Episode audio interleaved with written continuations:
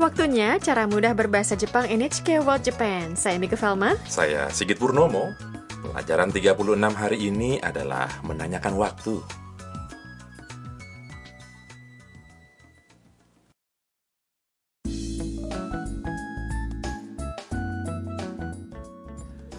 Tam dan temannya Ayaka jalan-jalan di Hakone. Mereka bermalam di penginapan Ryokan. Setelah check-in, mereka diantarkan ke kamar oleh pegawai hotel. Mari dengarkan pelajaran 36.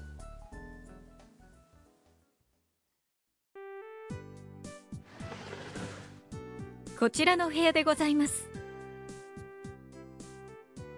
お風呂は何時から何時までですか朝6時から夜12時までですタム、日本の温泉入ったことあるいいえ、初めてです。楽しみです。 Kita ulas percakapannya. Pegawai hotel mengantarkan mereka ke kamar. こちらの部屋でございます Ini kamarnya. Tam bertanya, お風呂は何時から何時までですか Kamar mandinya bisa dipakai dari jam berapa sampai jam berapa? pegawai menjawab, 朝6時から夜12時までです Dari jam 6 pagi sampai jam 12 malam. Ayaka bertanya kepada Tam. Tam, Nihon no onsen haitta koto aru? Tam, pernah berendam di onsen Jepang? Tam menjawab. Iye, hajimete desu. Belum pernah, ini yang pertama. Tanoshimi desu. Sudah tidak sabar. Tam sepertinya senang menginap di Ryokang. Iya, Hakone adalah kota peristirahatan dengan banyak Ryokang. Di kamar gaya Jepang, mereka tidur dengan matras futong yang digelar di atas tatami.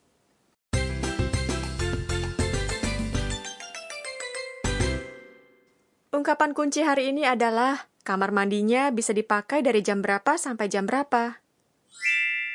お風呂は何時から何時までですか Kuasai pola ini, Anda bisa menanyakan tentang waktu. Kita ulas. お風呂 Artinya kamar mandi. Dalam percakapan ini merujuk pada permandian air panas atau onsen yang besar. Bisa hilangkan o di awal kata dan katakan 風呂 tapi dengan menyebutkan o dalam mengatakan ofuro akan terdengar lebih sopan. Nanji artinya jam berapa? Kara artinya dari dan made artinya sampai. Keduanya adalah partikel. Jadi ungkapan nanji kara nanji made adalah dari jam berapa sampai jam berapa. poin hari ini. Untuk menanyakan dari jam berapa sesuatu dimulai dan berakhirnya, maka perjelas subjek pertanyaannya dengan menggunakan partikel wa. Subjek dalam percakapan kali ini adalah kamar mandi, ofuro. Itulah mengapa ta mengatakan ofuro wa. Betul. Lalu diikuti nanji kara nanji made desu ka? Artinya, dari jam berapa sampai jam berapa.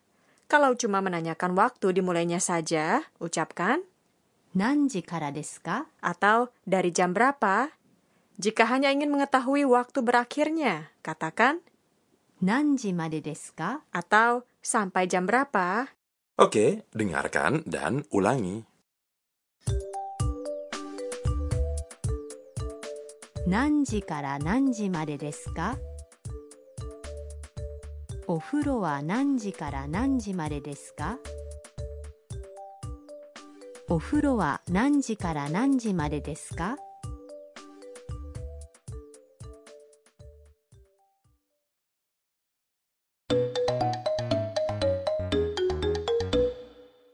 Sekarang dengarkan seseorang yang menanyakan waktu di resepsionis hotel.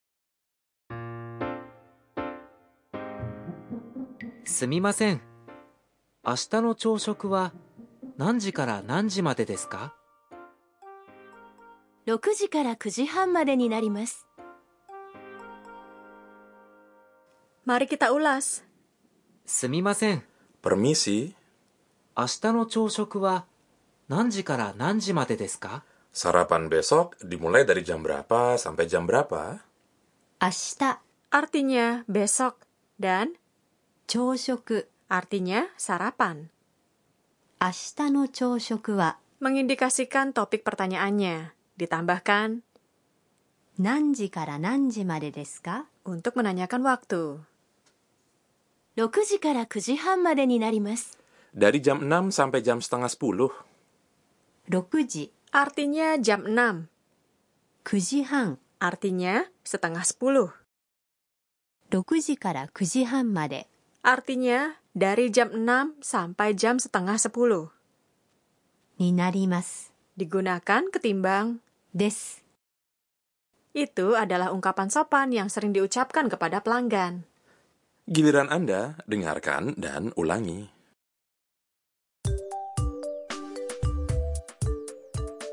何時から何時までですか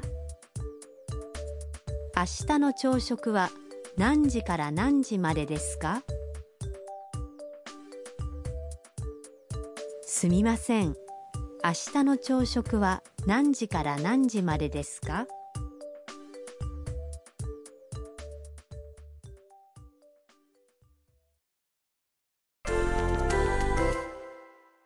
Kita coba menanyakan waktu dalam situasi lain. Bayangkan ada festival kembang api malam ini.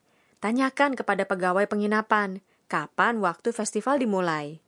Festival kembang api adalah 花火 Hanabi Taikai. Coba buat kalimatnya.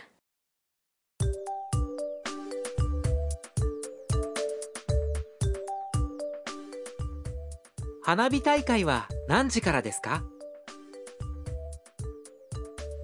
Hanabi Taikai wa nanji kara desu ka?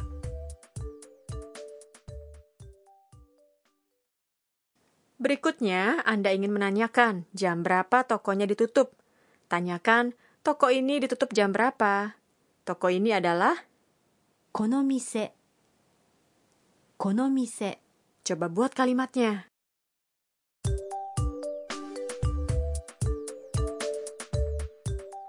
Kono mise wa nanji made desu ka?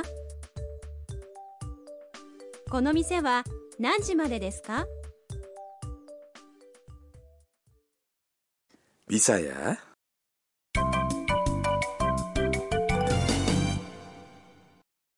Bonus ungkapan hari ini adalah yang dikatakan Tam saat ditanya apakah pernah berendam di onsen Jepang. Hajimete desu. Hajimete desu. Artinya yang pertama. Untuk menegaskan sesuatu yang Anda akan lakukan pertama kalinya, tambahkan wa setelah topiknya, lalu dilanjutkan dengan hajimete desu. Dengarkan variasi pengucapannya. Hajimete desu. Hajimete desu. 初めてです。初めてです。Coba ulangi. 初めてです Kita dengarkan sandiwara singkatnya lagi. こちらのお部屋でございますお風呂は何時から何時までですか？朝6時から夜12時までですタム日本の温泉入ったことあるいいえ初めてです楽しみです春さんの知恵袋 Petua Harusang kali ini tentang berendam di onsen.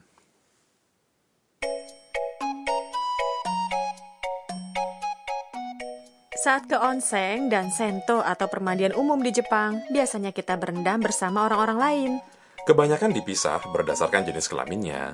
Di pintu masuk kamar mandinya ada tirai bertuliskan kanji pria 男 atau wanita, 女 jadi harap diingat kanjinya. Lepaskan seluruh pakaian Anda di kamar ganti dan berendam tanpa busana sama sekali. Sebagian orang mungkin merasa malu, tapi tidak boleh pakai baju renang. Untuk etiketnya, pertama bersihkan dulu tubuh Anda dengan shower, setelah itu masuk berendam ke kolam. Dilarang mencelupkan handuk dan rambut Anda ke dalam air agar airnya tetap bersih demi kepentingan bersama. Jadi pengen berendam di onsen Jepang.